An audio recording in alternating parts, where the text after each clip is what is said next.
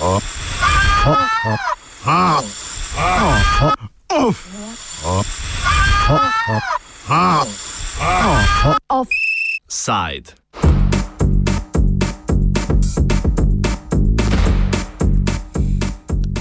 Evropsko sodišče za človekove pravice je v primeru Delfi proti Estoniji odločilo zoper prvo.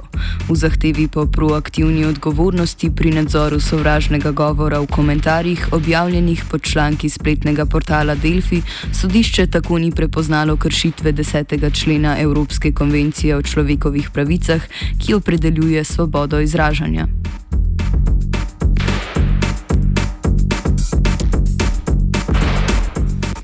Sodba se namreč nanaša na pritožbo proti spletnemu novičarskemu portalu, ki ga je leta 2006 tožilo ladijsko podjetje SLK zaradi sovražnih komentarjev, ki so se pojavili pod tamkaj objavljenim člankom in so bili sovražno nastrojeni proti ladijskemu podjetju. V dotičnem spletnem prispevku je bilo govora o lomljenju leda omenjenega podjetja, kar je onemogočilo možnost vožnje z osebnim avtomobilom. To je sprožilo val sovražnih komentarjev strani članka članka ogledujočih posameznikov, SLK pa se je odzval s tožbo zoper spletni portal. Na estonskem sodišču je tožbo dobil, ta pa je bila sedaj potrjena še strani Evropskega sodišča za človekove pravice. Več o vsebini odločitve tega sodišča pove Peter Nurlander, direktor Media Legal Defense Initiative.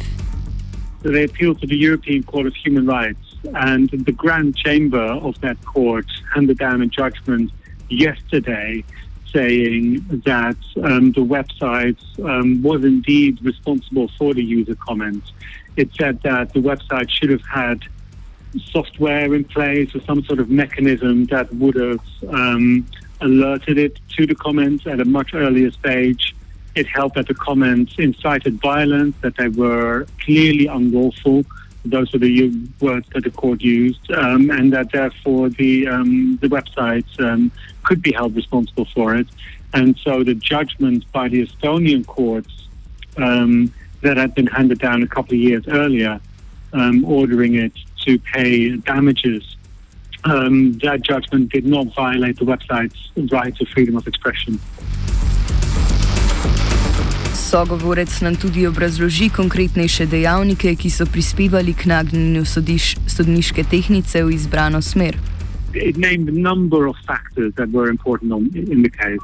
So it said that this was a professionally run um, news website. They had access to lawyers, they had access to legal advice, um, they had software in place that um, um that scanned the site for certain keywords and certain key phrases.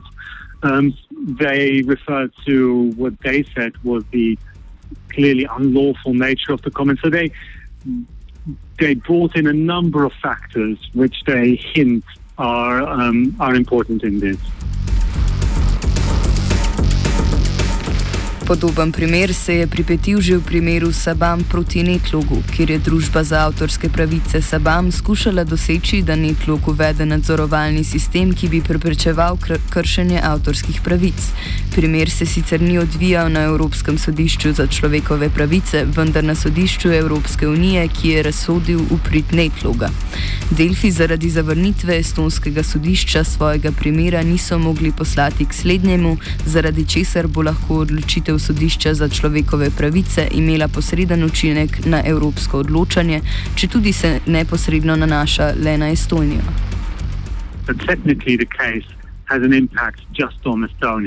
And the impact that it has is um, to say that to, to leave the earlier judgment by the Estonian courts um, intact.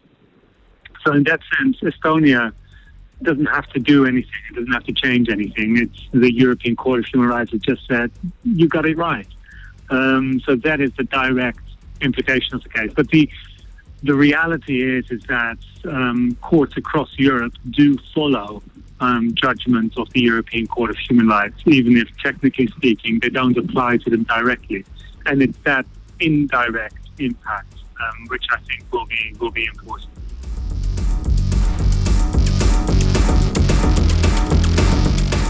Na sodbo kot precedenčni primer se je zato naprtilo tudi vrsto kritik.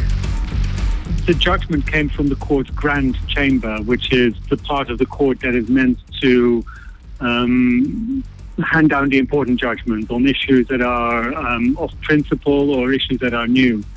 Um, and this was a new issue before the court, and everybody was kind of hoping that the court would come out with very clear guidelines on how these sorts of cases are to be are to be handled. Um, and it hasn't. And one of the aspects that is very unclear as a result of this is is what you just said. You know, how is a how was the Estonian website to know that these comments were indeed clearly unlawful? Um, this is this is not how the situation should be approached. The normal case is that under the right to freedom of expression, which is protected under European human rights law, it is presumed that things are actually lawful, and the state or somebody else has to prove that something that you say is unlawful.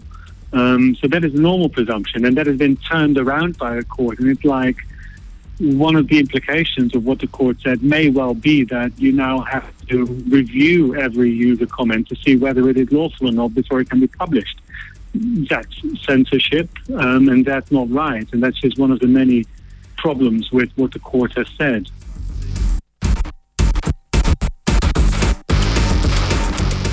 To vrstne kritike pa se opirajo predvsem na svobodo govora, ki je bila v preteklosti večkrat izrabljena, predvsem v namene kovanja dobička. Tudi pričujoča obsodba z Upr Delfi je že strani estonskega sodišča kot enega izmed argumentov navajala, da so sovražni komentarji prispevali k prilivu denarja dotičnemu portalu. Več o praksi zlorabe teh pojmov nam razložili Nard Kučič, novinar dela.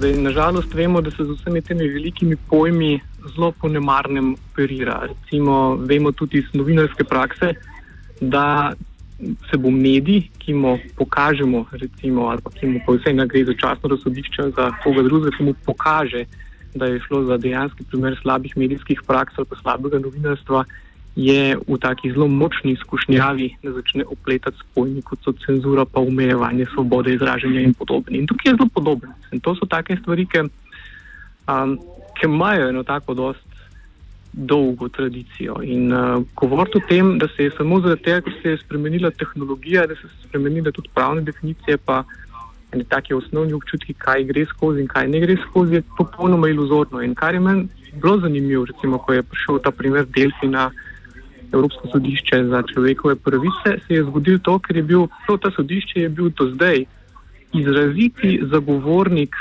svobode izražanja. Recimo, oni so ogromno tudi takih nacionalnih sklepov razveljavili, čež da recimo za njih je bila m, ideja kritike je bila veliko širša, kot da številne nacionalna sodišča. Oni so ogromno krat razveljavili primere, kjer je bil nekdo oglobljen zaradi medijske kritike, ki je bila lahko bolj ostra, ki je šla recimo tudi čez eno mero ne, zgolj satire ali pa to.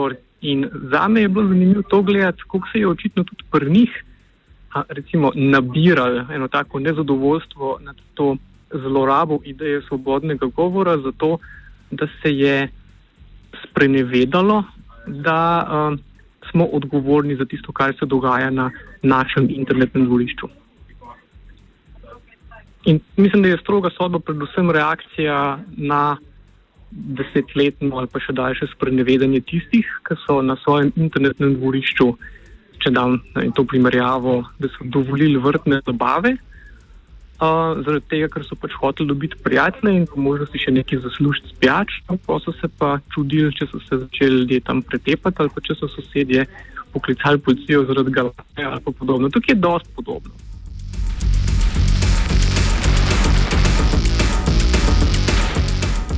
Če tudi obstaja nevarnost izrabljanja zakonskih ureditev v namene omejevanja svobode govora in cenzure strani močnejših organiziranih skupin, si stališče, ki stoji proti nadzorovanju, večkrat zatiska oči pred domnevno neutralnostjo informacij.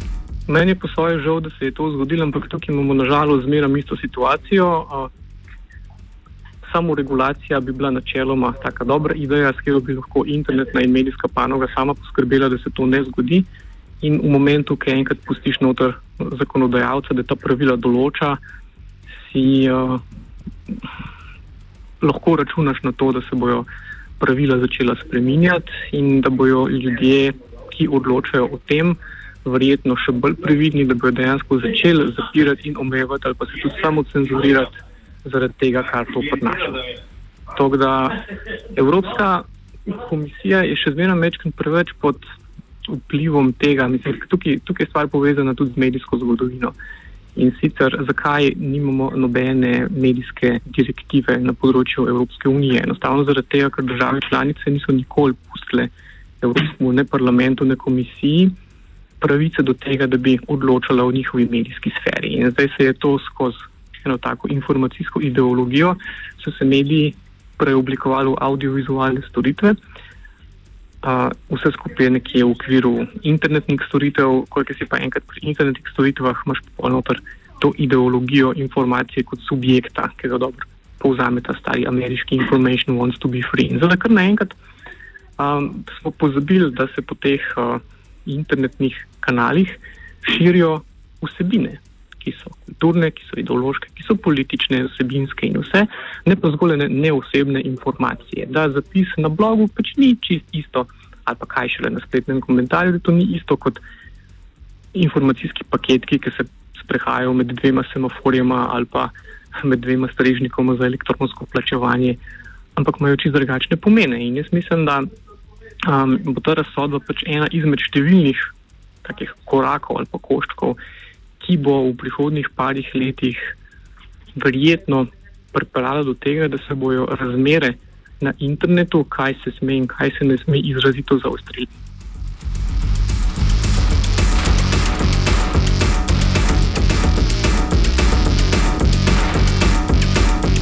Informiral vas je Tit.